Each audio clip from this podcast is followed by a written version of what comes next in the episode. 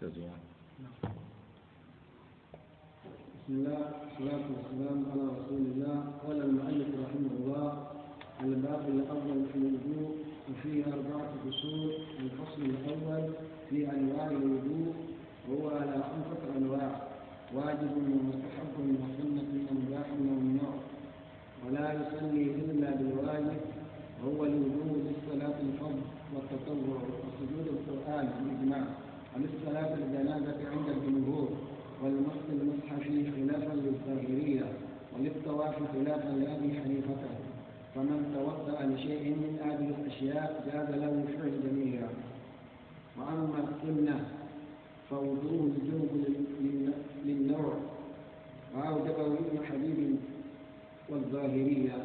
وأما المستحب فالوضوء لكل صلاة عند عند الجمهور. خلافا لمن أوجبه ووضوء المستحاب وصاحب السلف. وصاحب السلف لكل صلاة خلافا لهم في وجوده ولوجوه القربات كالتلاوة والذكر والدعاء والعلم. والمخا وال وللمخاوف وللمخاوف وللمخاوف وللمع وللمخاوف كركوب البحر والدخول على السلطان والقول وأما المباح وللتنبيه والتبريد. وأما الممنوع فالتجديد قبل أن تقع به عبادة الفصل الثاني في فرائض في فرائض الوضوء وهي الستة. النية وغسل الوجه وغسل اليدين ومسح الراس وغسل الرجلين والحوض. فأما النية فهي القصد وتجد وتجد في كل قطعة بأربعة أوصاف. وهي أن تكون فعلا لا تركا سوى سوى سوى الصيام وأن تكون من حقوق الله تعالى تحرزا من أداء الديون والشبه. وأما وأن تكون فيما يفعله المرء بنفسه تحرزا من غسل الميت. ومن ومن يوجع غيره. ومن يوضئ. ومن يوجه غيره. وأن تكون معقولة وأن تكون معقولة المعنى. فلهذا لا تجد في إزالة النجاسة بالإجماع وتجد في التيمم عند الأربع. وتجد في الوضوء والغسل عند الإمامين خلافا لأبي حنيفة فرعان الأول. بس بس. الحمد لله. والصلاة والسلام على رسول الله محمد بن عبد الله. وعلى آله وصحبه ومن والاه وبعد. السلام عليكم ورحمة الله وبركاته. يقول المصنف رحمه الله الباب الأول في الوضوء وفيه أربعة فصول. الوضوء هو الفعل أما الوضوء فهو الماء. الوضوء هو الفعل والوضوء هو الماء المعد لفعل الوضوء. والوضوء عند علماء الشريعة هو الغسل والمسح على أعضاء مخصوصة. غسل ومسح على أعضاء مخصوصة. ويعرفونه أيضا بقولهم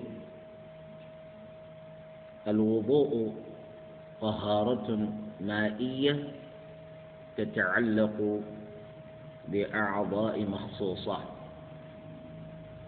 طهارة مائية تتعلق بأعضاء مخصوصة. وهذه الأعضاء قولهم طهارة مائية احترزوا به عن التيمم.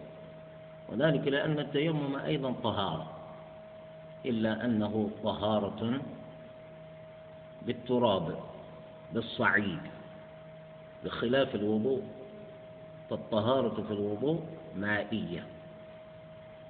وهذه الطهارة تتعلق بأعضاء مخصوصة وهذه الأعضاء هي الأعضاء المذكورة في القرآن الكريم في الآية السادسة من سورة المائدة حيث يقول الله عز وجل يا أيها الذين آمنوا إذا قمتم إلى الصلاة فاغسلوا وجوهكم وأيديكم إلى المرافق وامسحوا برؤوسكم وأرجلكم إلى الكعبين. فقد ذكر سبحانه وتعالى في هذه الآية أربعة أعضاء. هي الوجه واليدان والرأس والرجلان. فهذه هي الأعضاء المخصوصة في الوضوء. وإذ قال الفقهاء الوضوء هو الغسل والمسح للأعضاء المخصوصة أو على أعضاء مخصوصة. أرادوا بذلك أن يبينوا لنا أن الوضوء مشتمل على كل من الغسل والمسح معا. فالغسل واقع على أعضاء هي الوجه واليدين والرجلين. أما المسح فهو خاص بالرأس. فهذه الأفعال بمجموعها هي الوضوء. والوضوء هذا يختلف الحكم التكليفي الذي يعتريه بحسب ما توضأ به بحسب ما توضأ الإنسان لأجله. الحكم التكليفي الذي يتعلق بالوضوء يختلف باختلاف ما لأجله توضأ المكلف. إذن فالوضوء بحسب ذلك قد يقع واجبا ويقع مستحبا ويقع سنة ويقع مباحا وممنوعا. فهذه خمسة أحكام. تارة يكون الوضوء واجبا ويكون مستحبا ويكون سنة وقد يكون مباحا وقد يكون ممنوعا. فما ذكره ابن جزي هنا من أن الأحكام التي تعتري الوضوء خمسة لم ينفرد بذلك بين علماء المالكية بل نحى نحو القاضي عياض وكذلك الشبسي من المالكية.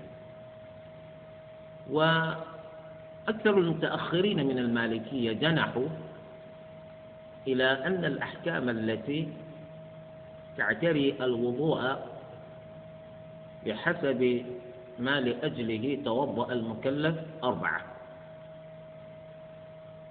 وهي هذه الأحكام التي ذكرها ابن جزي. غير أنهم استخرجوا السنة. استخرجوا السنة.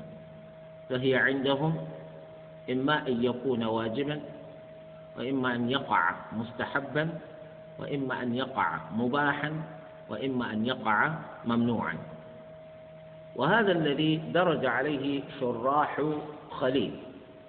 شراح مختصر خليل. فقوله ولا يصلي إلا بالواجب. لا يصلي المكلف إلا بالوضوء الواجب صلاة الفرض. لو أراد المكلف أن يأتي بصلاة مفروضة فإنه لا يتأتى له الإتيان بها إلا بوضوء واجب. فالوضوء الواجب هو القادر على حمل صلاة الفرض. هذا هو. إذا كذلك من أراد أن يصلي التطوع يصلي بالوضوء الواجب والذي يريد أن يسجد سجود التلاوة. يأتي به بوضوء واجب. ويقول هذا بإجماع. قوله هنا بإجماع لا يخلو من نظر. وذلك لأن ثمة علماء لا يرون اشتراط الوضوء لسجود التلاوة. وذلك لأن سجود التلاوة ليس صلاة ولا جزءا من الصلاة. وكونه يشبه فعلا من أفعال الصلاة لا يجعله صلاة. فلأجل هذا لو قرأ قارئ القرآن وقرأه بلا وضوء غير أنه إنما يقرأ من حفظه. ووصل إلى موضع سجود فسجد بغير وضوء لكان سجوده منعقدا صحيحا عند أولئك العلماء الذين لم يشترطوا له الوضوء لسجود التلاوة. بخلاف من اشترط الطهارة أعني الوضوء بالتخصيص لصحة سجود التلاوة. من يرى أن سجود التلاوة لا حاجة فيه إلى الوضوء كالظاهرية هم يقولون سجود التلاوة ليس صلاة. ولا جزءا من الصلاة فلم تشترط له الطهارة أصل ذلك القيام. أي دليله القيام. يعني لو أراد الإنسان أن يقوم نقول له يتوضأ؟ لا أحد يوجب عليه الوضوء من أجل القيام.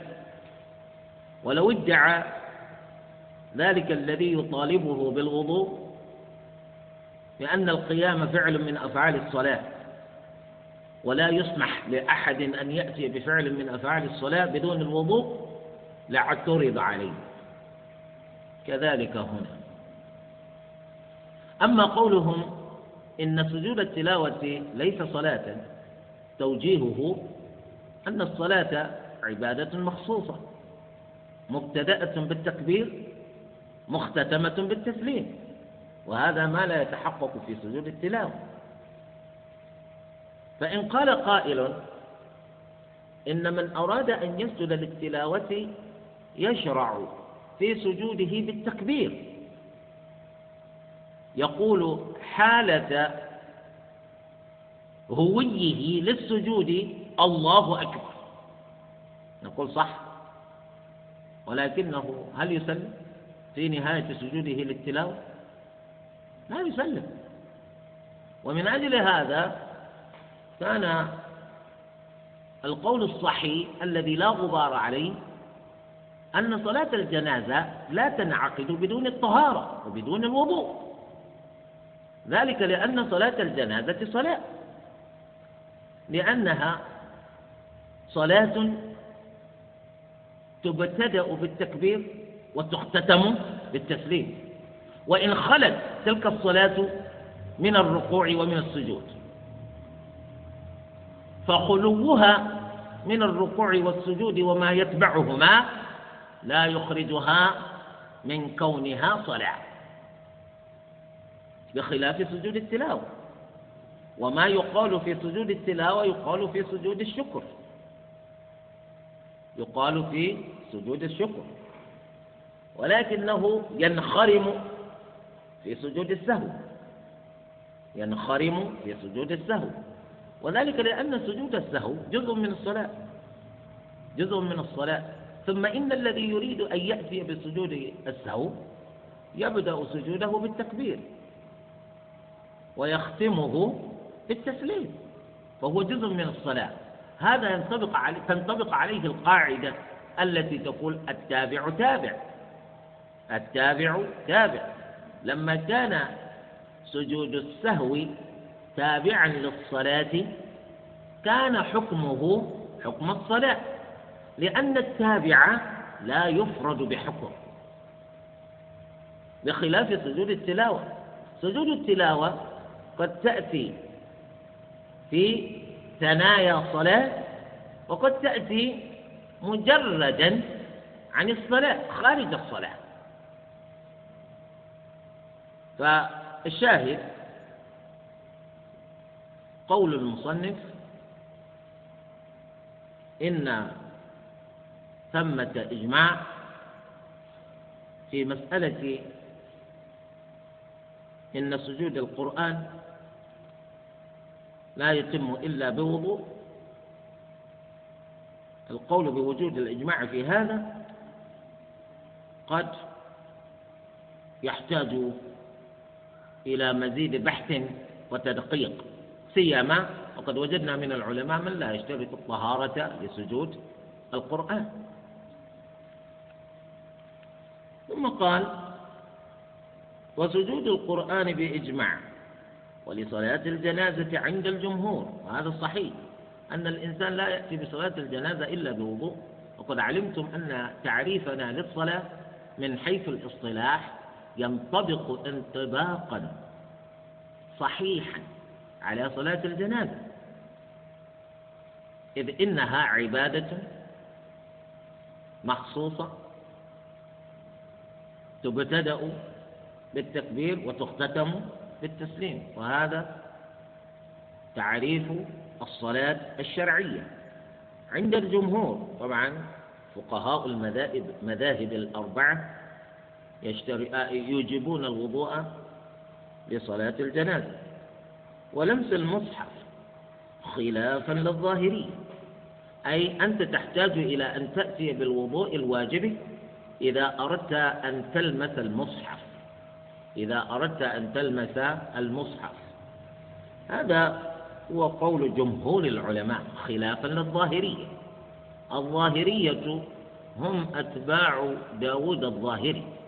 أتباع داود الظاهري رحمه الله وهو عالم كبير إلا أنه ينحى منح الأخذ بظواهر النصوص.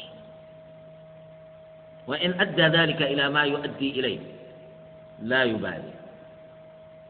واللسان الناطق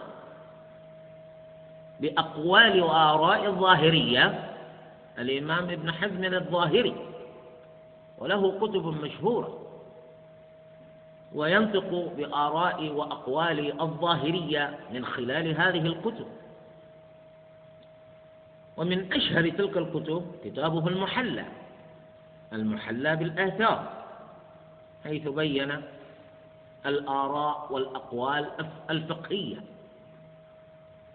الظاهرية يرون أن الإنسان يجوز له أن يمس القرآن بغير وضوء. لماذا؟ لأن قول الله عز وجل لا يمسه إلا المطهرون. يقولون إن هذه الآية خاصة بالملائكة. ثم إن القرآن المشار إليه بهذه الآية هو القرآن الموجود في اللوح المحفوظ بخلاف المصاحف التي يتناولها الناس. ثم يرى أهل الظاهر أن النبي صلى الله عليه وآله وسلم كان يذكر في رسائله إلى الملوك والرؤساء والزعماء يقول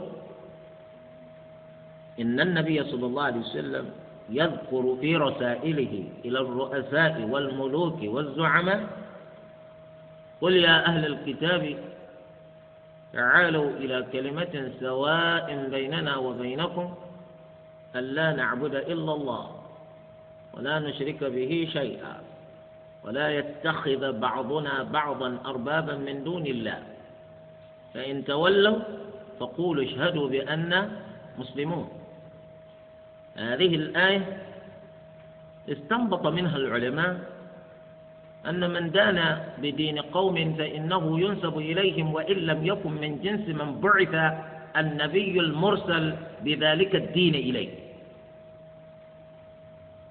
لأن النبي صلى الله عليه وسلم أرسل مثل هذه الرسالة إلى هرقل.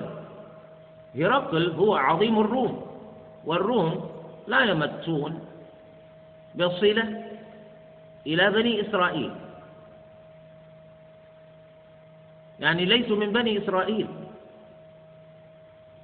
وليسوا من أهل الكتاب. لأن أهل الكتاب هم اليهود والنصارى. واليهود والنصارى هم بنو إسرائيل.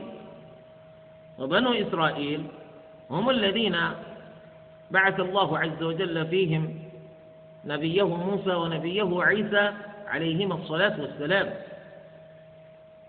فكل نبي من من من من, من هذين النبيين خاطب قومه بما يدل على أنه إنما بعث إليهم خاصة لا إلى غيرهم.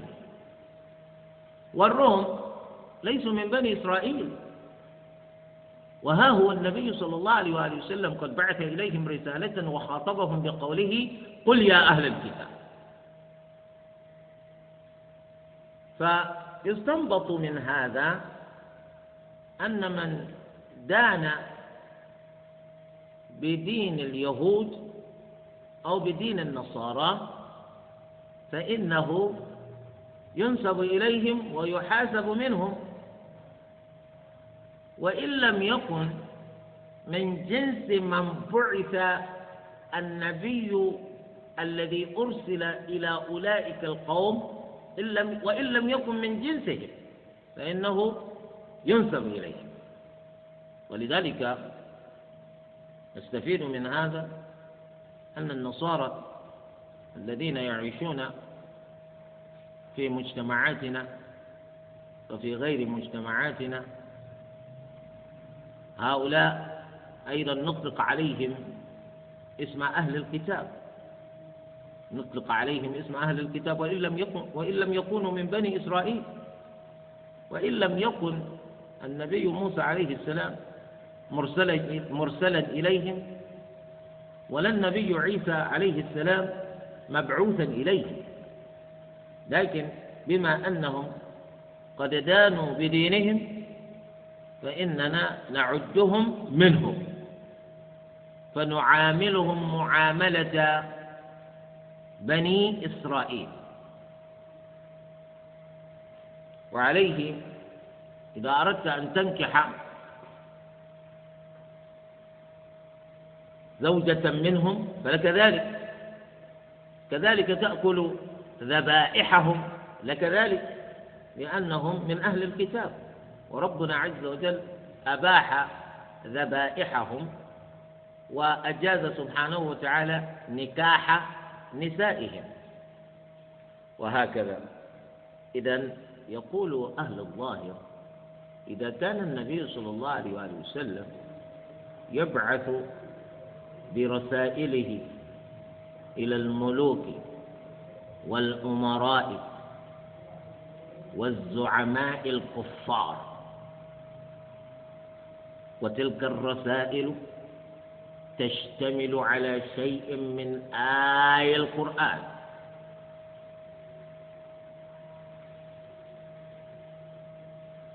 فأجاز لهم بذلك لمس آية من القرآن. فنقول تجويز ذلك تجويز بلمس القرآن كله من قبل المسلم وإن بغير وضوء لأن القول في الجزء كالقول في الكل. القول في الجزء كالقول في الكل. إذا الجمهور يجيبون عن هذه الأدلة يقولون أما الآية فنحن معكم فيها أنها لا تتناول الناس وإنما تتناول الملائكة لأن ربنا عز وجل يقول لا يمسه إلا المطهرون والإنسان لا يقال له مطهر. لا يقال له مطهر إلا إذا طهره الله. كما قال الله عز وجل آه ولهم فيها أزواج مطهرة. أزواج مطهرة أي مطهرة بتطهير الله إياهن. هذا هو. وإلا الإنسان يقال له متطهر يقال له متطهر. كما قال الله عز وجل يسألونك عن المحيض قل هو أذى فاعتزلوا النساء في المحيض ولا تقربوهن حتى يطهرن حتى يطهرن فإذا تطهرن تطهرن حتى يطهرن يطهرن ليس إليهن انقطاع الدم ليس إلى المرء الله الذي يأذن بانقطاع الدم عن الحائض متى شاء وكيف شاء. أما قال قال عز وجل فلا تقربوهن حتى يطهرن. فإذا تطهرن شفت؟ تطهرن تطهرن. والمقرر في علم اللغة في الصرف أن الزيادة في المبنى يقتضي زيادة في المعنى. فإذا تطهرن تفعلن أي اغتسلن فالإنسان يقول له متطهر لأنه يطهر نفسه ولا يقال له مطهر إلا إذا طهره الله. ولذلك الله عز وجل طهر ملائكته. ولذلك قال لا يمسه إلا المطهرون. وإن استدل بعض العلماء بهذه الآية على عدم جواز لمس القرآن بغير وضوء من بالأولوية. لأنهم قالوا إذا كان القرآن الذي في اللوح المحفوظ لا يمسه إلا الملائكة المطهرون الذين قد طهرهم الله عز وجل.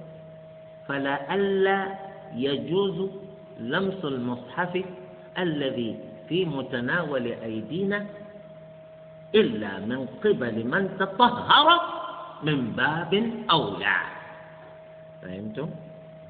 يعني إذا كان القرآن الذي في اللوح المحفوظ محفوظ لا يمسه إلا من طهره الله وهم الملائكة فلئلا يجوز لمس المصاحف التي في متناول أيدي البشر إلا من تطهر منهم من باب أولى لكن إذا قلنا هذا الدليل لا يصلح لأن الضمير هنا يعود إلى الملائكة وهم. وهم المطهرون دون البشر نقول ما في مشكلة إذا كان هذا الدليل لا يسلم من اعتراض وجيه الذي لا يبقي لا يبقي له صلاحية أن يستدل به فإننا نأتي بدليل آخر لما تقرر في الشريعة أن عدم دليل معين لا يستلزم عدم مدلول معين. إذا كان هذا الدليل لا يصلح للدليل ما في مشكلة نأتي بدليل آخر. وهذا الدليل الآخر هو ما ثبت في حديث آه، أحد الصحابة. ممن أمر النبي صلى الله عليه وسلم بأن يكتب له. نسيت اسمه الآن. أمر النبي صلى الله عليه وسلم بأن يكتب له. فجاء في ذلك الكتاب أن النبي صلى الله عليه وسلم يقول وألا يمس القرآن إلا طاهر. وألا يمس القرآن إلا طاهر وهو حديث ثابت. والحمد لله. وهذا الدليل يكفي لأننا لا نحتاج إلى حزمة من من الأدلة حتى نثبت حكما شرعيا. يكفي لإثبات حكم شرعي دليل واحد. يكفي. فلذلك قوله صلى الله عليه وسلم وألا يمس القرآن إلا طاهر. هذا يكفي دليل وهو حديث ثابت. بهذا يتبين لنا أن آه، القرآن الصواب إن شاء الله عدم جواز لمسه بغير وضوء. عدم جواز لمسه بغير وضوء. المصحف لا يجوز لمسه بغير وضوء. أما ما استدل به الظاهرية من أن النبي صلى الله عليه وسلم كان يضمن رسائله آية من آيات القرآن فهذا أيضا يعترض عليه بما ذكره العلماء بأن قوله يا أهل الكتاب تعالوا إلى كلمة سواء بيننا وبينكم ألا نعبد إلا الله ولا نشرك به شيئا ولا يتخذ بعضنا بعضا أربابا من دون الله. فإن تولوا فقولوا اشهدوا بأننا مسلمون. هذا الكلام على ما ذكرته قالوا إنما ورد أول ما ورد قولا للنبي صلى الله عليه وآله وسلم وليس آية. وإنما نزل القرآن به ليصير قرآنا لأن النبي صلى الله عليه وسلم لما كان يكتب هذا في رسائله كان يكتبه على أنه كلامه. ما أنزل الله يعني آية كما هو قبل. وإنما النبي صلى الله عليه وسلم يقول يا أهل الكتاب ولا يقول قل يا أهل الكتاب. يبدأه بقوله يا أهل الكتاب تعالوا إلى آخر ما جاء. ثم الله أنزل في القرآن كلاما على غراره تماما بزيادة قل. فإذا كان هذا ثابتا إذا لم يكن النبي صلى الله عليه وسلم يرسل بالآية القرآنية إلى غير المسلمين الذين هم كلهم جنابة. وإنما كان يرسل إليهم كلامه الخاص. وليس قرآن. وكلامه ما في مانع من أن يمس من أن يمسه غير مسلم.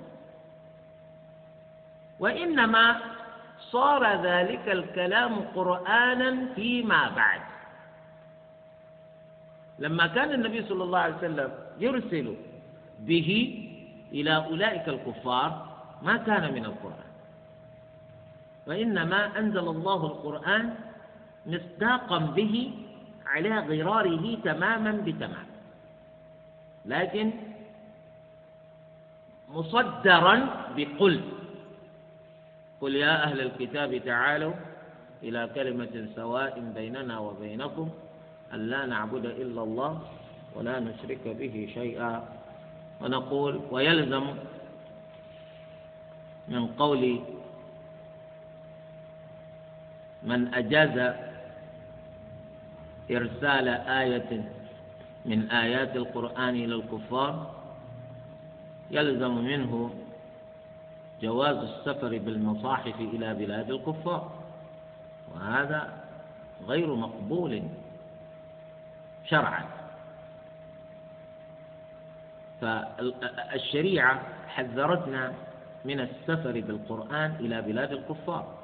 لماذا؟ حذرا من أن تتناوله أيدي الكفار.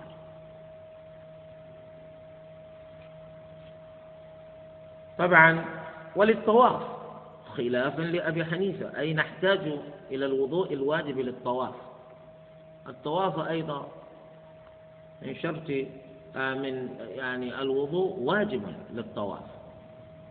فالطواف بدون الوضوء لا يكون طوافا إنما يكون إتعابا للنفس. يعني تتعب نفسك فقط. لا بد من وضوء. قد جاء في حديث أم المؤمنين عائشة رضي الله عنها فيما رواه الإمام البخاري وغيره أن النبي صلى الله عليه وآله وسلم كان إذا وصل إلى مكة كان أول ما يبدأ به أن يذهب ليتطهر يتوضأ ثم يأتي يطوف ثم يأتي يطوف. وقد جاء أيضا في حديث النبي صلى الله عليه وآله وسلم أنه قال الطواف بالبيت كالصلاة غير أنه أبيح لكم فيه الكلام.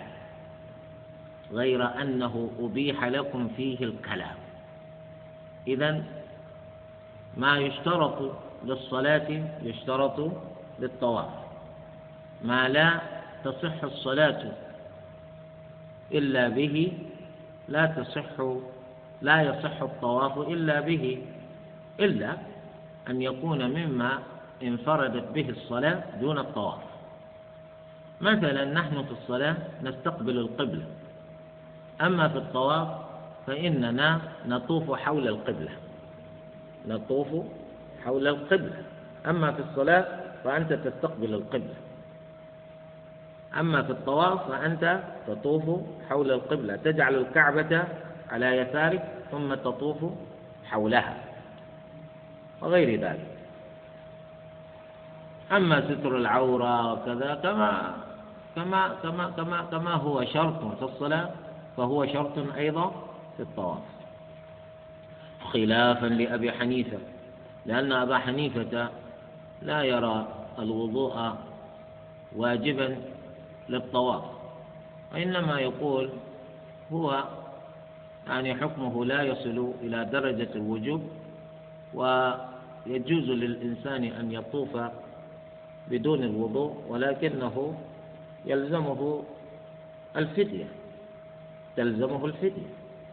يعني لو طاف الإنسان طواف إفاضة لو طاف الإنسان طواف إفاضة بدون وضوء مثلا هو يقول المرأة لو طافت طواف قدوم قدوم. لو طافت طواف قدوم بحيض فإنها تلزمها شاة. يصح طوافها ويلزمها شاة. ولو طافت للإفاضة وهي حائض يلزمها بدنة. إبل. إذا وعليه هو يقول الطواف يصح ولكن من فعل ذلك تلزمه الفدية. عند الجمهور هم يقولون الطهارة شرط الطهارة واجبة لفعل الطواف ومن لم يكن متطهرا وأتى بالطواف فإن طوافه لا يصح فإن طوافه لا يصح. يقول فمن توضأ لشيء من هذه الأشياء جاز له فعل جميعها.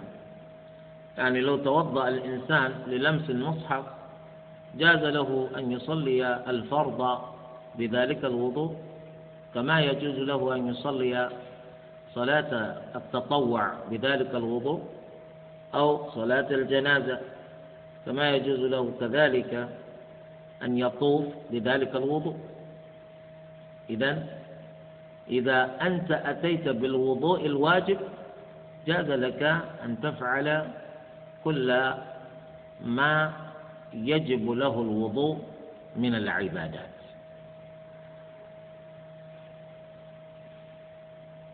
وأما السنة فالسنة هذه زادها ابن جزي والقاضي عياض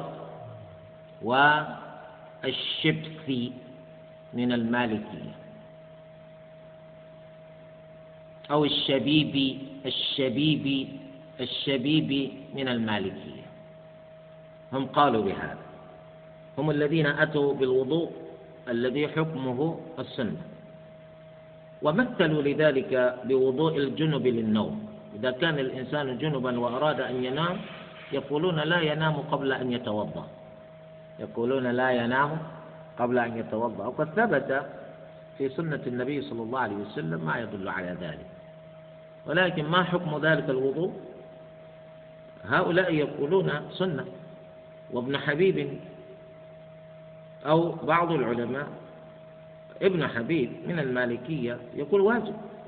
يعني أنت لا تستطيع أن تغتسل من الجنابة قبل أن تنام وتريد أن تنام تتوضأ وجوبا. ابن جزي يقول سنة. وليس ذلك الوضوء واجبا وكذلك الظاهرية. هم أوجبوه لأنه ظاهر النص. النص الذي جاء عن النبي صلى الله عليه وسلم ظاهره في ذلك الوجوب. وابن حبيب هذا من علماء المالكية. من علماء المالكية. وله آراء نيرة. له آراء نيرة. وهو من الذين اشتهروا بالأخذ بالدليل. اشتهروا بالأخذ بالدليل وإن خالف ما أخذوا به بموجب الدليل المذهب. يعني لو كان اختيارهم مخالفا لما عليه مشهور المذهب فإنهم لا يبالون. منهم الإمام ابن حبيب المالي له آراء فقهية نيرة رحمه الله. و ثم قال وأما المستحب الوضوء المستحب يقول فالوضوء لكل صلاة عند الجمهور. الوضوء لكل صلاة عند الجمهور خلافا لمن أوجبه. هذا الوضوء المستحب هو الوضوء المجدد. يعني أنت توضأت لصلاة الصبح وقد صليت الصبح ثم حافظت على ذلك الوضوء ولم يبطل حتى أتى وقت صلاة الظهر. وأنت لا زلت على وضوئك. لكنك أحببت أن تجدد ذلك الوضوء. فالوضوء المجدد بعد فعل العبادة به أولا. حكمه مستحب. حكمه مستحب. لكن بشرط أن يكون ذلك الوضوء قد فعلت به العبادة تلك العبادة قد فعلت به العبادة قبل.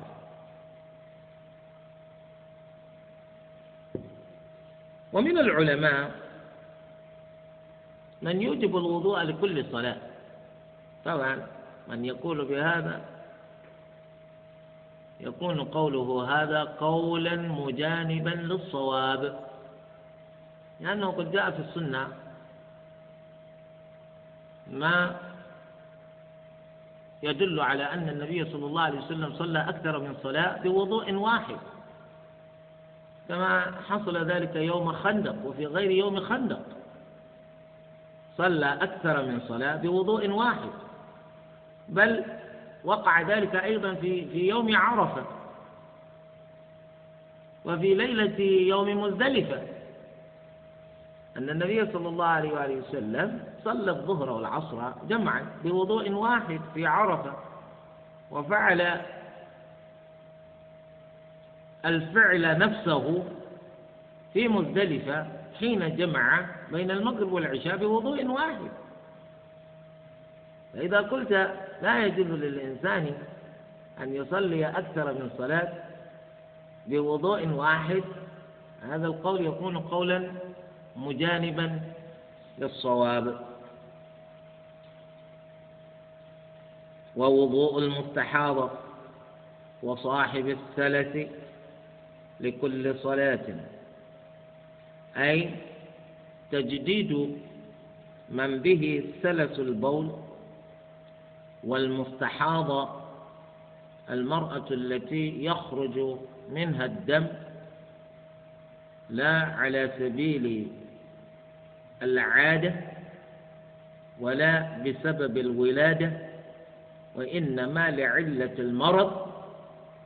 هذه تصلي وصاحب السلس أيضا يصلي والسلس هذا قد يكون سلس بول أو سلس ريح. أن يكون الريح تخرج منه من غير قيد ولا حائل. هذا اتفق الفقهاء على أنه يصلي وأن المستحاضة تصلي. وكذلك لا خلاف بينهم من حيث الجملة أن من به هذه العلة يتطهر لصلاته وهل تطهره هذا واجب؟ أو ليس بواجب. خلاف. منهم من يرى أن وضوءه لكل صلاة مستحب. بمعنى لو حافظ على وضوئه لصلاة الظهر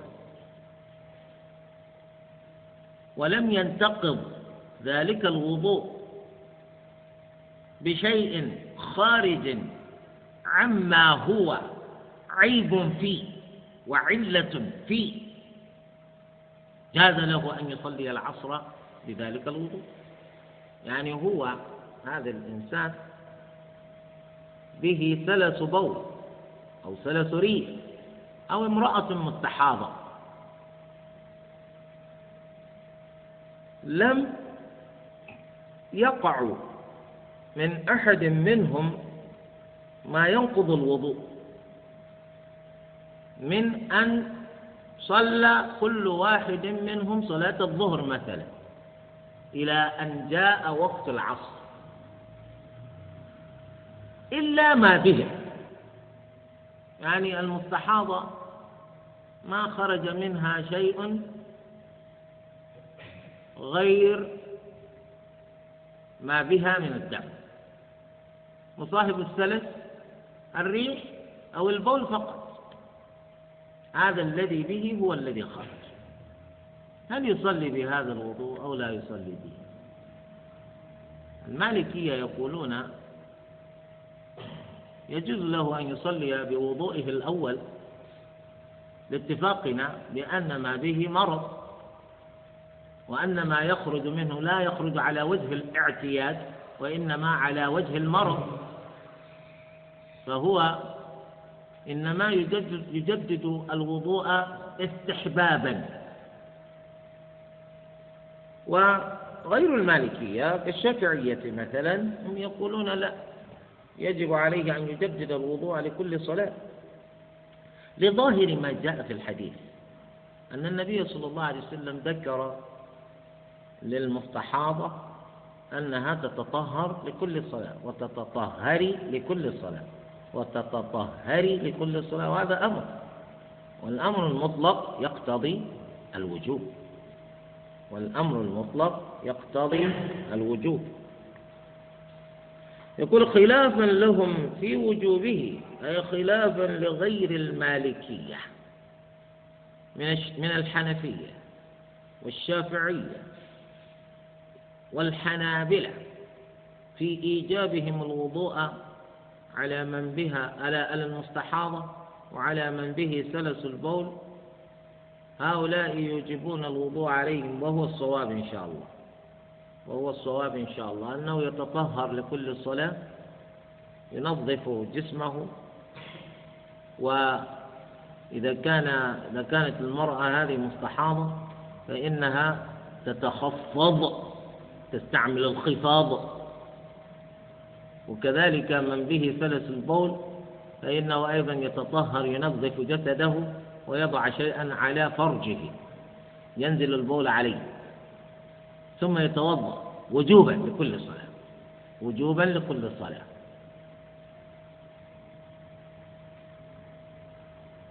والوضوء للقربات كذلك هم يقولون إذا أراد الإنسان أن يأتي بعمل قربة كالتلاوة كالذي يريد أن يقرأ القرآن. لكنه إنما يريد أن يقرأ القرآن من حفظه ولا يريد أن يمس المصحف. قراءة القرآن فقط. علما بأنه يجوز للإنسان أن يقرأ القرآن على غير وضوء. لكنه لو توضأ لقراءة القرآن من حفظه من غير لمس للمصحف. يقولون هذا الوضوء مستحب وليس بواجب لجواز التلاوة بدون الوضوء والذكر كذلك الذي يريد أن يذكر ربه يريد أن يأتي بأذكار لنفرض أنه إنما يريد أن يأتي بأذكار الصباح أو بأذكار المساء فهو لا يريد أن يذكر اسم الله على غير وضوء يتوضأ. كما وقع ذلك للنبي صلى الله عليه وآله وسلم أن شخصا سلم على النبي صلى الله عليه وآله وسلم وهو يقول والنبي صلى الله عليه وسلم ما أجابه حتى حتى أنهى بوله وتوضأ. ولما قيل له قال لا أريد أن أذكر اسم الله على غير طهارة. لا أريد أن أذكر اسم الله على غير طهارة فدل ذلك على أن الإنسان الذي أراد أن يذكر ربه فتوضأ لذلك يكون وضوءه ذلك مستحبا وليس واجبا. وذلك لجواز جريان الذكر على لسان الذاكر بدون الوضوء بدون الوضوء. فالوضوء يكون من باب الاستحباب لأن الفعل أصلا الذي توضأت له يجوز بدون وضوء. يجوز بدون وضوء. والذكر هنا ينبغي التنبيه إلى أن المقصود به يعني في نظرنا وفي توجيهنا هو الذكر المسنون يعني بخلاف الذكر البدعي لأن من على البدعة من أهل الطرق الصوفية قد يقول شوفوا الدليل. العلماء يقولون إذا أردنا أن نأتي بالوظيفة اليومية يستحب لنا أن نتوضأ. شفت كيف؟ هذا ليس ليس المراد بالذكر هنا آه، الذكر البدعي إذا كان ذلك وكذلك الدعاء. يعني لو أراد الإنسان أن يدعو ربه فتوضأ ما في إشكال. بل الإنسان يدعو بدون وضوء يدعو بدون وضوء. وليس الوضوء يعني شرطا لصحة الدعاء. ولكنك إذا توضأت والعبادة تنعقد بدون الوضوء إذا توضأت من أجل تلك العبادة يكون وضوءك خرج مخرج الاستحباب. كذلك والعلم يعني الإنسان الذي يريد أن يطلب العلم. أنت تريد أن تجلس في مجلس طلب علم. يقول تتوضأ استحبابا. مع أن العلم يعني الإنسان يطلبه بدون الوضوء.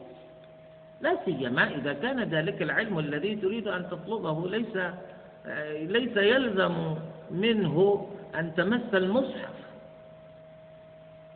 لأن الأمر إذا لزم منه لمس المصحف لم يكن الوضوء الذي تطالب بالإتيان به إذن المستحب إنما تطالب بأن تأتي بالوضوء الواجب لأنك تريد أن تمس المصحف. والنبي صلى الله عليه وسلم يقول وألا يمس المصحف وألا يمس القرآن إلا طاهر.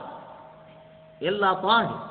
لكن أنت الآن تريد أن تدرس علم الفقه تريد أن تدرس علم التوحيد تريد أن تدرس علم الحديث وما شاكل ذلك. فأنت أحببت أن تأتي إلى ذلك المجلس وأنت على وضوء.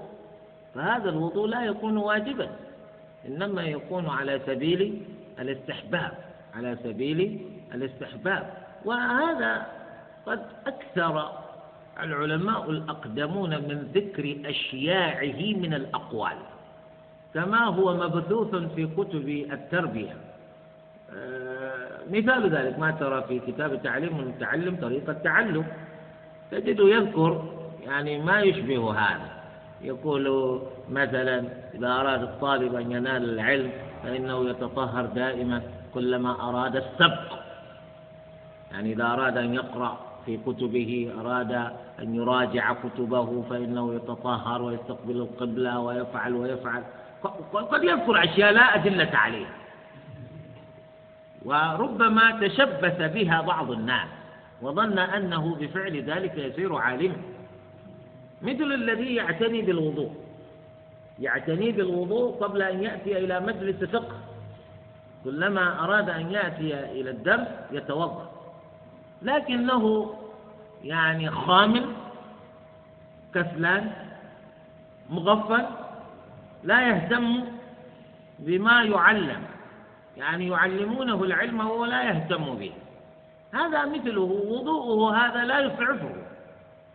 الوضوء هذا وحده لا يسعفك. لأن العلم إنما يعني إنما ينال بالتعلم. إنما ينال العلم بالتعلم.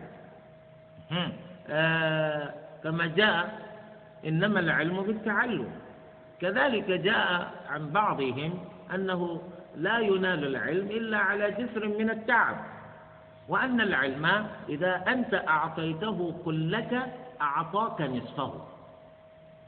ليس الوضوء فقط يا أخ يحتاج الأمر منك إلى الجد والاجتهاد. يحتاج الأمر منك إلى بذل الجهد واستفراغ الوسع حتى تصل إلى بعض مرامك وإلا لا تصل إليه جميعا. إذا لكن الوضوء جيد. كذلك الوضوء للمخاوف يعني إذا الإنسان أراد أن يقحم بنفسه في المخاوف هو يريد أن يدخل في أشياء مخيفة مثل الذي أراد السفر في الفيافي والصحاري. يريد أن يقطع صحراء نيجر. من صحراء نيجر إلى الجزائر. ومن الجزائر يريد أن يسافر إلى أوروبا. كأولئك الذين يغررون بأنفسهم بركوب البحار. طلبا للحياة السعيدة في أوروبا على زعمهم. يظنون أنهم في عذاب وفي عذاب وويل في بلدانهم. يسافرون إلى الجزائر عبر صحراء نيجر.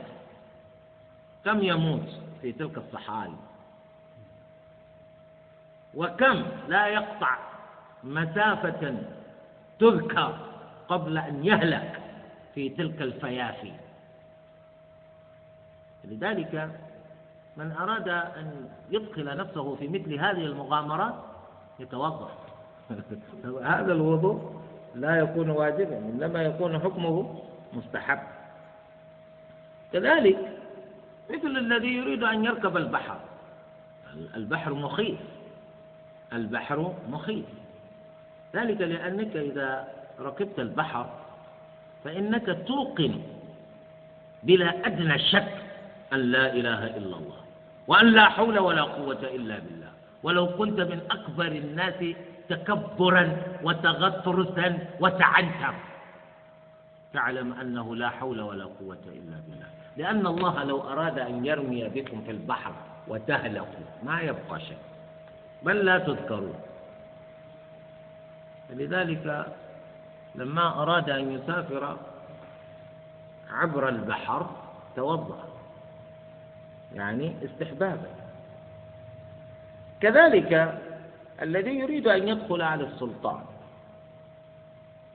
يريد أن يدخل على الحاكم والحاكم هذا له بسط وهو صاحب ظلم وجور وأنت تخاف منه أن يمد يد ظلمه عليك فتظلمي فإنك تتوضأ قبل أن تدخل عليه وإن كان الأمر قد لا يحتاج إلى الوضوء أنت تدعو بما أمر النبي صلى الله عليه وسلم أن تدعو به. إذا أردت أن تدخل على قوم تخاف منهم تقول اللهم إني أجعلك في نحورهم وأعوذ بك من شرورهم. فيصير يخاف منك وأنت لا تخاف منه. طبعا أنت إذا كنت موقنا بأن هذا الدعاء الله عز وجل إذا دعوت بمثله يستجيب لك. أما إذا كنت شاكا تقول إيه؟ هذا الرجل جبار. هذا الرجل لا يفهم مجرد اللهم إني أجعلك في نحوري وأعوذ بك من شروري ما يكفي. من يقول هذا لا يستجاب له. لا يقبل الله دعاء من كل قلب غافل لاهٍ لابد وأن تدعو ويدعو معك قلبك. يكون معك قلبك حاضرا حتى يستجاب لك.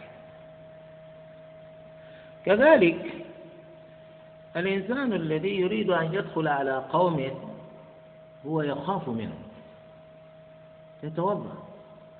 نقول هذا جيد ولكن أجود منه أن يدعو بما أمر النبي صلى الله عليه وسلم بالدعاء به إذا أردت أن تدخل على قوم أنت منهم خائف. اللهم إني أجعلك في نحورهم وأعوذ بك من شرورهم. لا يصيبنك منهم شيء مكروه. لا يصيبنك منهم شيء مكروه. بهذا الدعاء إن شاء الله. وأما الوضوء المباح فللتنظيف والتبرج. يعني الإنسان رأى أن في جسده وسخا أوساخا ويريد أن يزيل تلك الأوساخ. رأى في بدنه أوساخا أتربة وأقربة يريد أن يزيلها من جسده فتوضأ. مثل الذي يغسل يديه ويغسل وجهه ويغسل رأسه ورجله فقط من أجل إزالة ما به من أتربة وأغربة وأوساخ. هذا مباح. طبعا مثل هذا لا يصلي بمثل هذا الوضوء. لا يصلي بمثل هذا الوضوء. كذلك الإنسان الذي يشعر بالحرارة يشعر بالحرارة. يتوضأ تبريدا لأعضائه تبريدا لأعضائه. هذا مباح هذا مباح. لكن لا يصلي بمثل هكذا الوضوء. لا يصلي بمثل هكذا الوضوء. وأما الممنوع الوضوء الممنوع. هو التجديد قبل أن تقع به عبادة. يعني أنت توضأت لتصلي به صلاة ما كصلاة الفجر مثلا. وقبل أن تصلي تلك الصلاة بذلك الوضوء ذهبت لتجدد وضوءك. لماذا تجدد؟ يقول يعني بدا لي أن أجدده. كيف تجدده ولما تصلي بعد؟ يقول لا لا تجدد. اذهب وصل. إلا إذا كان ذلك الوضوء قد انتقض. وهو لما ينتقض ولماذا تجدده؟ لماذا تجدده؟ فتجديدك إياه قبل أدائك العبادة به إسراف. وفتح لباب عمل الشيطان فيك. لأن الشيطان قد يركب عليك. يركب عليك ويفتح لك باب الوسواس. فلذلك تجديد الوضوء قبل أداء العبادة به ممنوع. ثم قال الفصل الثاني في فرائض الوضوء. الفرائض جمع فريضة والفريضة المقصود بها هنا الواجب. الفريضة هنا المقصود بها الواجب أي واجبات الوضوء. ومن العلماء من يفرق بين الفرض والواجب. من يفرق بين الفرض والواجب. فيقولون إن الفرض أقوى من الواجب. وهذا هو رأي الإمام أبي حنيفة وأتباعه وهو رواية عند الإمام أحمد في مذهبه. أما عند الإمام مالك والإمام الشافعي والرواية الأخرى التي عليها المذهب عند الحنابلة ألا فرق بين الفرض والواجب. ألا فرق بين الفرض والواجب. وهذا طبعا من العلماء من يقول لا فرق بين الفرض والواجب إلا في مسائل الشافعية هؤلاء. هم يقولون لا فرق بين الفرض والواجب إلا في مسائل وهذا نجده في آه، بناء فيما نسميه بتخريج. علم من العلوم في الشريعة اسمه التخريج. وعندنا تخريج الأصول على الأصول تخريج الفروع على الأصول وعندنا تخريج الفروع على الفروع. هذا علم قائم لذاته. في هذا العلم يذكر من لا يرى فرقا بين الواجب والفرض فروقا في مسائل بعينها في تعبير فقهائهم في مذهبهم أنهم في هذا الباب لو قالوا عن هذه المسألة فرض يختلف فيما لو قالوا فيها واجب فيذكر تلك المسائل ويذكر تلك المواضع. هذا في تخريج في التخريج. أكرمكم الله. آه، أنتم ترون مثلا الآن كتب المذهب الحنبلي تنتشر في نيجيريا. نتيجة ذهاب الناس إلى الحج وإلى العمرة يأتون بالكتب من المملكة إلى نيجيريا. ومن بين تلك الكتب كتب الفقه. فمثلا تقرؤون في بعض تلك الكتب أن التسبيح في الركوع والتسبيح في السجود واجب. يعني قول سبحان ربي العظيم في الركوع واجب. سبحان ربي الأعلى في السجود واجب. ويبنون عليه يقولون لو ترك الإنسان تسبيح الركوع سهوا أو تسبيح السجود سهوا يقولون يسجد لسهوه. وأنت دراستك الأولية والأساسية والتي لا زلت عليها إنما هي على مذهب المالكي. المالكية لا يقولون عنها أن آه، تسبيح الركوع وتسبيح السجود ما يقولون عنه واجب. بل في المذهب المالكي يقولون لا تحديد لذكر بعينه في الركوع أو السجود يعني تذكر أي شيء. تقول لا حول ولا قوة إلا بالله في الركوع ما في مشكلة. فهنا تأتي الأسئلة. واحد يقول أه كيف سبحان ربي العظيم واجب؟ سبحان ربي الأعلى في السجود واجب؟ نقول واجب في هذا الكتاب الذي تقرأ فيه في المذهب الحنبلي. فهمتم هذا؟ أما في المذهب المالكي ليس بواجب. ليس بواجب. إذا طبعا الذي أريد أن أصل إليه هنا لتعلم أن الحنابلة يقولون واجب لأنهم يريدون أن يقولوا وماذا يقولون في قراءة الفاتحة؟ يقولون واجبة أو فريضة. فرض. فهمتم هذا؟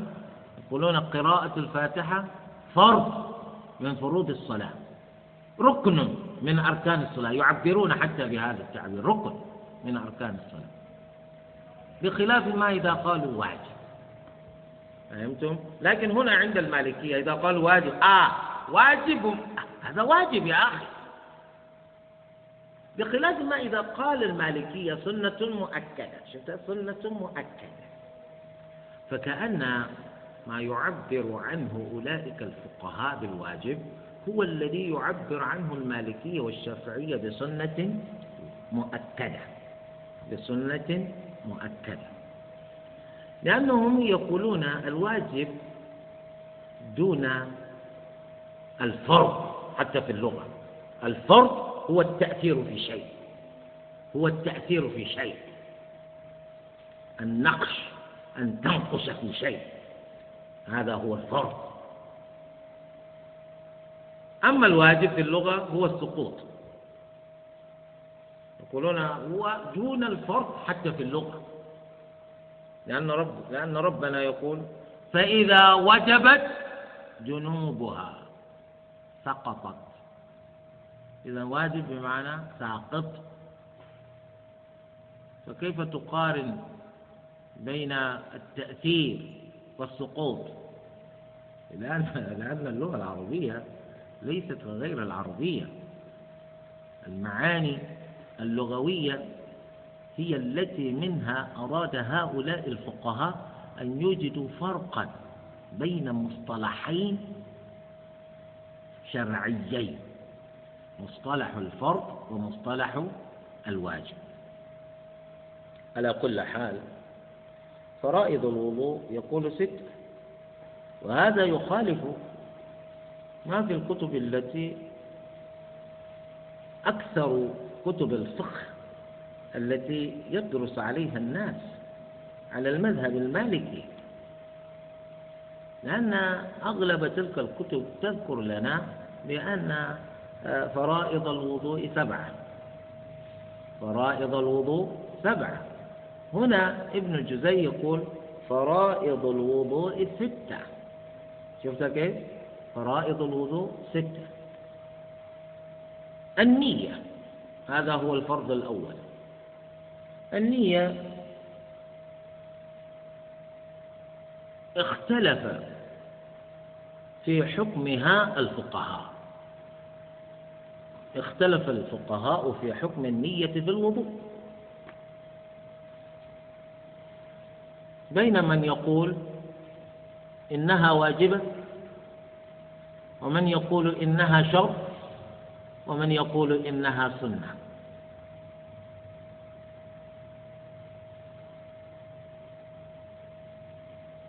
والدليل على مشروعيتها عموم قول النبي صلى الله عليه وآله وسلم إنما الأعمال بالنيات وإنما لكل امرئ ما نوى.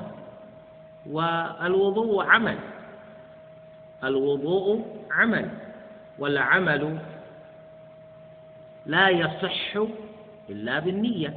لأن قول النبي صلى الله عليه وسلم إنما الأعمال بالنيات معناه إنما الأعمال صحيحة بالنيات. لأن الكلام هناك ناقص. يحتاج ذلك الكلام إلى ذكر المقدر المحذوف. يحتاج إلى أن نقدر فيه شيئا. وهذا يقال له دلالة الاقتضاء. دلالة الاقتضاء هو أن تقدر ما غاب عن الكلام اقتضاء أي لضرورة صدق المتكلم. حتى يكون المتكلم في كلامه صادقا لا سيما وهو الصادق المصدوق. حتى يكون كلامه صدقا لا بد من أن نقدر. وإلا الأصل في الكلام عدم التقدير. أن الإنسان إذا تكلم أراد ما قال. فالأصل عدم التقدير. لكن هنا يقال دلالة الاقتضاء. حتى يكون المتكلم صادقا في كلامه لا بد أن نقدر إنما الأعمال هذا مبتدأ يحتاج إلى الخبر. إنما الأعمال بالنيات هذا هذا جار ومجرور متعلقان بمحذوف. متعلقان بمحذوف والمحذوف هذا هو الخبر الذي نبحث عنه. فلذلك نقول إنما الأعمال صحيحة بالنيات. هذا قول الجمهور. فلذلك هم يقولون إذا النية واجبة لأن العمل لا يصح بدون النية. ومن قال النية شرط نص الدليل لأنه يقول العمل لا يصح بدون النية فكانت النية شرطا لصحة العبادة من قال النية ليست بواجبة وهو الإمام أبو حنيفة رحمة الله عليه يقول هذا الدليل لا يدل على وجوب النية إنما وهل أنتم تعرفون دليلا آخر يستنبط منه وجوب النية للوضوء؟ إذا كنتم تعرفون دليلا آخر هاتوا به حتى تأخذوا جوائز. أبو حنيفة يقول هذا الدليل ليس دليلا صريحا في الدلالة على إيجاب النية أو اشتراطها للوضوء كيف ذلك؟ لأنكم أنتم قدرتم إنما الأعمال صحيحة صح؟ نحن نقول إنما الأعمال كاملة إنما الأعمال كاملة بالنيات ونفي الكمال ليس نفيا للصحة بل نفي الكمال لا يستلزم نفي الصحة لأن العبادة تصح ولا تكون كاملة. فهمتم؟ وأنتم تقولون إنما الأعمال صحيحة بالنيات ونفي الصحة نفي للكمال لأن العبادة إذا لم تصح تقول إنها كاملة؟ لا تقول إنها كاملة. إذا بأي دليل؟ أنتم ترجحون ما قدرتم ولا ترجحون ما نقدر نحن. نحن نقول إنما الأعمال كاملة. أنتم تقولون إنما الأعمال صحيحة. الجمهور يقولون لا. نحن نقول إنما الأعمال صحيحة لأن الصحة والفساد مما جاء النبي صلى الله عليه وسلم لبيانه. مما جاء النبي صلى الله عليه وسلم لبيانه. جاء ليبين لنا الأعمال الصحيحة والأعمال الباطلة الفاسدة. فلذلك نقدر هذا. نقول إنما الأعمال صحيحة ولا نقول إنما الأعمال كاملة. لأن النبي صلى الله عليه وسلم جاء ليبين لنا ما يصح مما لا يصح. لذلك الجمهور هم يقولون بإيجاب النية أو باشتراط النية بهذا الدليل. بهذا الدليل. وإلا النية القول بوجوب النية في الوضوء ليس متفقا عليه. ليس متفقا عليه. آه الأمر الثاني طبعا الفقهاء أيضا عندهم استنباط آخر في قول الله عز وجل يا أيها الذين آمنوا إذا قمتم إذا قمتم إلى الصلاة فاغسلوا يقولون إذا قمتم إلى الصلاة أي نويتم القيام إلى الصلاة. آه إذا نوينا القيام إلى الصلاة تكون النية للصلاة نية للوضوء؟ لا تكون. إذا إنما الأعمال بالنيات. الثاني غسل الوجه. غسل الوجه. وهذا بدليل الكتاب والسنة والإجماع. بدليل الكتاب والسنة والإجماع. أما الكتاب فقول الله عز وجل يا أيها الذين آمنوا إذا قمتم إلى الصلاة فاغسلوا وجوهكم. فاغسلوا وجوهكم. وهذا أمر. والأمر المطلق يحمل على الوجوب ما لم يصرفه صارف وقد تحقق ألا صارف فغسل الوجه واجب. فغسل الوجه واجب. ومن السنة حديث عثمان حديث حمران مولى عثمان ابن عفان رضي الله عنه. أن عثمان دعا في المقاعد مكان بالمدينة بوضوء بماء وضوء فتوضأ. فغسل يديه ثلاثا تمضمض واستنشق واستنثر وغسل وجهه ثلاثا. ولما ولما انتهى من وضوئه قال رأيت رسول الله صلى الله عليه وآله وسلم توضأ نحو وضوئي هذا نحو وضوئي هذا. وهذا الحديث رواه الإمام مسلم في صحيحه. فعثمان رضي الله عنه غسل وجهه في وضوئه وقال إنه رأى النبي صلى الله عليه وسلم توضأ نحو وضوئه. فهذا دل على وجوب غسل الوجه في الوضوء. أما الإجماع فقد أجمع العلماء الذين يعتد بقولهم في الشريعة على وجوب غسل الوجه في الوضوء. اتفق العلماء الذين يعتد بقولهم في الشريعة على وجوب غسل الوضوء غسل الوجه في الوضوء. هذه الأدلة التي دلت على وجوب غسل الوجه في الوضوء. وعليه إذا قالوا بوجوب فعل شيء في الوضوء وتركه المكلف عمدا أو سهوا فإن تلك العبادة لا تنعقد له. لا تنعقد له بل يجب عليه أن يعيد تلك العبادة. فمن توضأ بغير نية فلا وضوء له. من توضأ من غير غسل وجهه لا وضوء له. ثالثا غسل اليدين. غسل اليدين ابتداء من أصابع اليد مع المرفقين مع المرفقين. هذا واجب. يبدأ باليمنى ثم اليسرى بدليل الكتاب والسنة والإجماع كذلك. قول الله عز وجل فاغسلوا وجوهكم وأيديكم إلى المرافق إلى المرافق. وأيديكم إلى المرافق. فما بعد الغاية من جنس ما قبلها. مرافق مرفق من جنس اليد.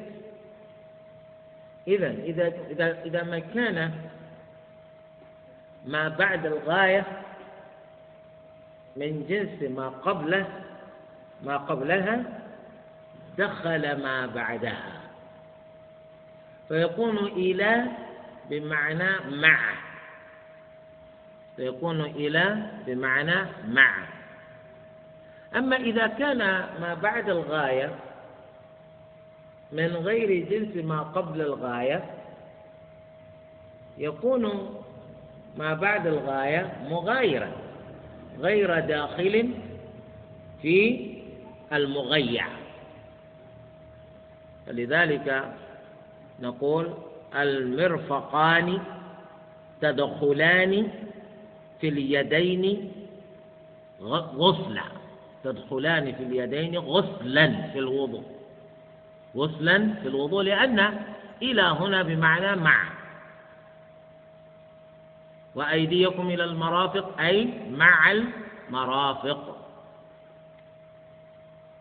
ولا يمكنك أن تشمل مرفقيك بالغسل حتى تدخل في العضدين. حتى تدخل في العضدين. فهو من باب ما لا يتم الواجب إلا به. يعني لا يمكن أن تغسل مرفقيك دون أن تمتد بالغسل إلى عضدك. فهذا من باب ما لا يتم الواجب إلا به ففعله واجب لكن لا تغسل إلى الكتف. فهمتم؟ ها إذا هذا طبعا وكذلك الحديث الحديث جاء في الأحاديث التي بين فيها وضوء النبي صلى الله عليه وسلم كحديث أبي هريرة رضي الله عنه أن النبي صلى الله عليه وسلم غسل توضأ فغسل وجهه فأسبغ الوضوء ثم غسل يده اليمنى حتى أشرع في العضد. حتى أشرع في العضد. هذا هذه العضد. يعني غسل يده حتى بدأ في غسل العضد. لأنك لا يمكن أن تشمل مرفقيك بالغسل حتى تدخل في العضد. وغسل يده اليسرى كذلك حتى شرع في العضد. هذا يرويه الإمام مسلم في صحيحه. والإجماع لا خلاف بين العلماء أن غسل اليدين في الوضوء واجب. أن غسل اليدين في الوضوء واجب. مسح الرأس. هذا واجب كذلك. وذلك للقرآن وللسنة والإجماع كذلك. القرآن وامسحوا برؤوسكم. وامسحوا برؤوسكم. كذلك السنة الأحاديث التي جاءت في بيان صفة وضوء النبي صلى الله عليه وآله وسلم ذكرت كلها أن النبي صلى الله عليه وسلم كان إذا توضأ مسح رأسه مسح برأسه. فلا يخلو حديث من تلك الأحاديث من ذكر. مسح مسح الرأس. وربما ذكر بعض تلك الأحاديث أن النبي صلى الله عليه وسلم مسح لناصيته وعلى العمامة. وعلى العمامة. يعني غاية ما في الأمر أنه لا يترك مسح الرأس. سواء كان رأسه بلا عمامة أو على رأسه عمامة. كذلك يقول والفور. الفور هو أن يأتي الإنسان كذلك الرجلين رجلين. رجلين غسل الرجلين. جمهور العلماء من المالكية والحنفية والشافعية والحنابلة يرون وجوب غسل الرجلين. وجوب غسل الرجلين. وذلك للقرآن والسنة والإجماع. لأن ربنا يقول وأرجلكم هذه القراءة وهناك قراءة أخرى وأرجلكم وأرجلكم. قالوا قراءة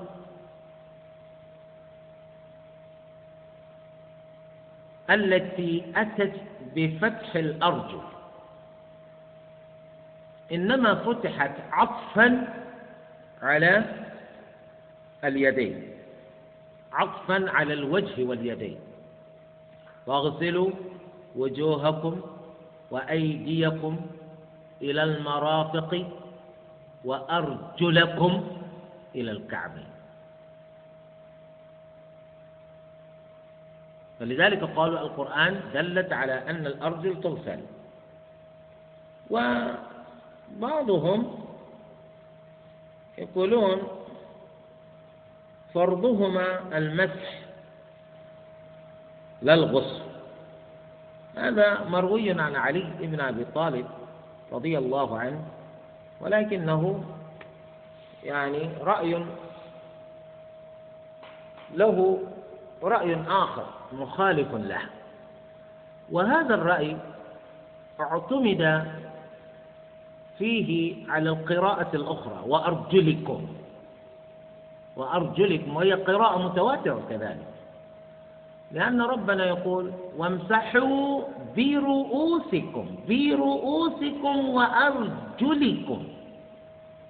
قالوا إذا وأرجلكم عطفت على الرؤوس. وما الواجب في الرؤوس؟ المسح. كان واجبا في الأرجل فيكون حكم الأرجل أيضا المسح لكن العلماء يقولون لا إنما جاءت قراءة آه، الكسر عطفا على اللفظ عطفا على لفظ الرؤوس. وجاءت قراءة النصب عطفا على معنى الغسل في الوجه وفي اليدين. عطفا على المعنى. إذا والعطف على المعنى أولى بالأخذ عند العمل من العطف على اللفظ. وطبعا هذا الخلاف مبناه على ما إذا كانت الرجل مجردة عن الخفاف والشوارب والتساخين. أي لا شيء في الرجل. رجلك مكشوفة. هل تغسلها أو تمسح عليها؟ وهناك رأي ثالث يقول أنت مخير بين أن تغسل أو تمسح.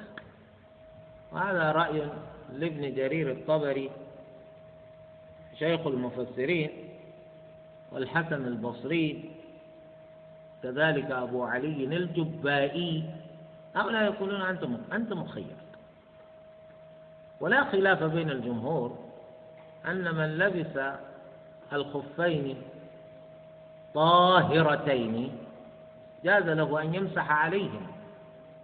كذلك ما يعامل معاملة الجوارب من الشوارب فإنه كذلك إذا لبست جوربك جوربك على طهارة فإنك تمسح عليهما لكن أن يقال أنت تمسح على جلد رجلك وليس في تيمم ثم تيمم من الذي قال لك بأن تمسح رجلك؟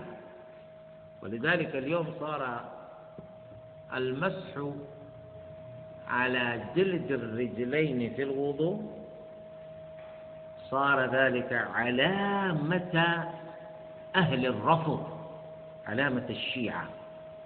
الشيعة إذا توضأوا وضوء الكاذب هذا الذي يتوضؤونه إذا وصل إلى رجله يمسح على الرجل هكذا يقول توضأ يلعبون هذا هو. نكتفي بهذا القدر. إن شاء الله. نحن وقفنا عند وغسل الرجلين. سبحانك اللهم وبحمدك أشهد أن لا إله إلا أنت أستغفرك وأتوب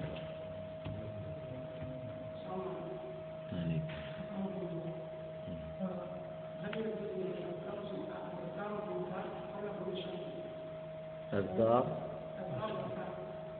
لا أنت تأتي بأذكار النساء إن شاء الله بعد غروب الشمس.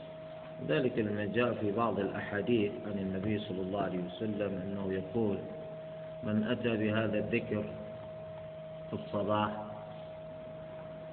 ثم توفي ثم مات قبل أن تغرب الشمس فإنه يدخل الجنة. ومن قاله بعد غروب الشمس ومات قبل طلوع الفجر دخل الجنة. من هنا يستشف أن المراد بالمساء إذا أطلق في الأذكار خاصة يكون بعد غروب الشمس بعد غروب الشمس. وهذا جاء بكل وضوح في سيد الاستغفار دعاء سيد الاستغفار. أنه إذا قلته في الصباح ومت قبل أن تغرب الشمس دخلت الجنة. إذا قلته في المساء بعد غروب الشمس طبعا. ومت قبل طلوع الفجر دخلت الجنة. نعم.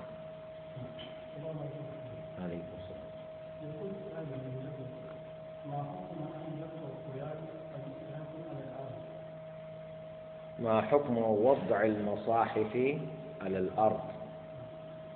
طبعا الله عز وجل أنزل هذا القرآن على النبي صلى الله عليه وسلم في مدة آه، تقدر بثلاث وعشرين سنة. فحق القرآن على المسلمين أن يحترموه وأن يقدروه وأن يجلوه لأن القرآن كلام الله وكلام الله صفة الله. فلله المثل الأعلى. لو أن رئيس دولة من الدول أرسل إليك بخطاب فإنك تنأى بنفسك من أن تضع مثل ذلك الخطاب على الأرض.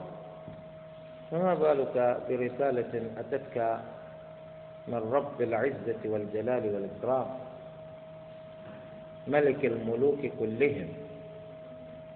الخالق الرازق الوهاب الفعال لما يريد. ولذلك علماؤنا يقولون لا ينبغي للمسلم أن يضع القرآن على الأرض بل لا يجوز له أن يضع المصحف على الحصير.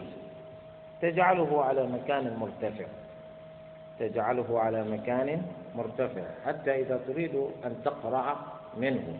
اجعله على مكان مرتفع كحمال المصاحف.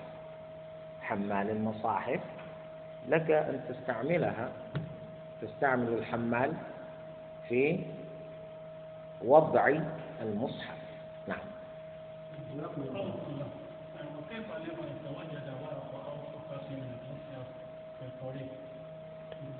فإنك تقوم بإحراقها لو وجدت صفحة مرمية.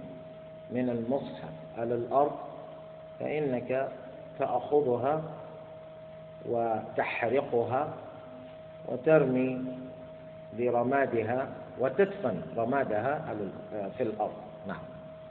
كما فعل عثمان بن عفان رضي الله عنه لما أمر بجمع المصاحف الموجودة في على في أيدي الناس بعد أن كتب مصحف الإمام جمع تلك المصاحف فأحرقها ثم دفن رمادها نعم.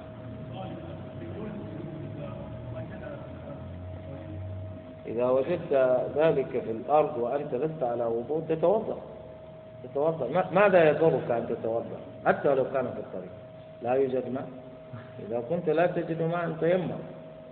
نعم قول الحنابلة بأن من ترك التسبيح سهلا فليأتي هل هذا هذا مبني على مذهبهم لأن المذاهب تبنى على القواعد. كل مذهب يبنى على قواعد. ولذلك في علم في الشريعة قائم بذاته. يقال له أصول المذاهب. أصول المذاهب. أنت تجد على غرار هذا نسميه يعني يقال له تاريخ التشريع. في تاريخ التشريع تجد أصول المذاهب كل مذهب له أصل. فالمذاهب تبنى على الأصول يعني ما يتكلمون جزافا إنما يتكلمون انطلاقا من القواعد. ولذلك من يتمذهب على مذهب من المذاهب لو أراد أحد أن يدخل عليهم قولا ليس من أقوالهم في مذهبهم أخرجه لك وقال لك إنه غريب. قد يوجد ذلك القول في مذهبهم على أنه قول ولكن الفتوى على خلافه وهكذا. فلذلك حتى تقول هذا صحيح هذا غير صحيح يحتاج إلى أن تجري دراسة مقارنة. بين ما يقوله هؤلاء وما يقوله هؤلاء ثم تخرج بالنتيجة أنا إنما ذكرت لكم ذلك لتفرقوا بين ما إذا قال الفقيه فرض أو واجب وهو حنبلي. وما إذا قال ثم المالكية ما يفرق؟ لا يفرق بين الفرض والواجب الفرض والواجب والواجب والفرض. نعم.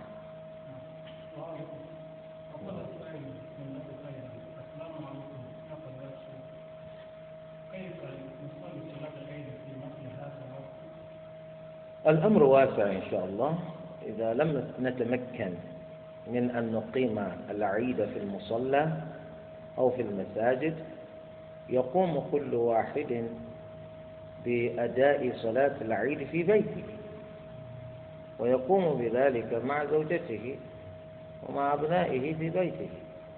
لا ضير ذلك اعتمادا على ما كان يفعله أنس بن مالك رضي الله عنه أنه كان إذا فاتته صلاة العيد جمع أهله ونادى عبد الله ابن أبي عتبة مولاه وأمره بإمامتهم فيصلي بهم صلاة العيد على غرار صلاة الإمام. مع عدم الاتيان بالخطبة. تصلي تأتي بتكبيرة الإحرام وتضيف إليها ست تكبيرات زوائد وفي الركعة الثانية تأتي بتكبيرة القيام وتضيف إليها خمس تكبيرات. تقرأ في الأولى بالفاتحة مع الغاش مع آه الأعلى وفي الأخرى الفاتحة مع الغاشية. ثم تسلم ولا خطبة بعد الصلاة. ما في شيء إن شاء الله. ومع ذلك أنت تتزين وتتطيب وتفرح بما أباح الله لا بما حرم. ذلك لما تقرر في الشريعة أن الميسور لا يسقط بالمعصور. باستطاعتنا أن نفعل هذا ولكن ليس باستطاعتنا أن نذهب إلى المصلى أو إلى المساجد. فالذي نستطيعه لا نتركه من أجل الذي لا نستطيعه. ثم أنت تبدأ بالتكبيرات من ليلة العيد. الله أكبر الله أكبر الله أكبر لا إله إلا الله. الله أكبر الله أكبر ولله الحمد. على أن تكون يعني قد أخرجت زكاتك للفطر قبل صلاة العيد. قبل أن تقوم بصلاتك للعيد تكون قد أخرجت زكاتك للفطر. نسأل الله عز وجل لنا ولكم القبول. هذا ما قدر الله أن يقع هذا العام. فالله عز وجل لا تنسون أنه فعال لما يريد. أسأل الله أن ييسر الآن أن ييسر الأمر وأن يزيل ويرفع عنا الوباء والبلاء وسوء الأسقام والزلازل والنقم. سبحانك اللهم وبحمدك أشهد أن لا إله إلا أنت أستغفرك وأتوب إليك.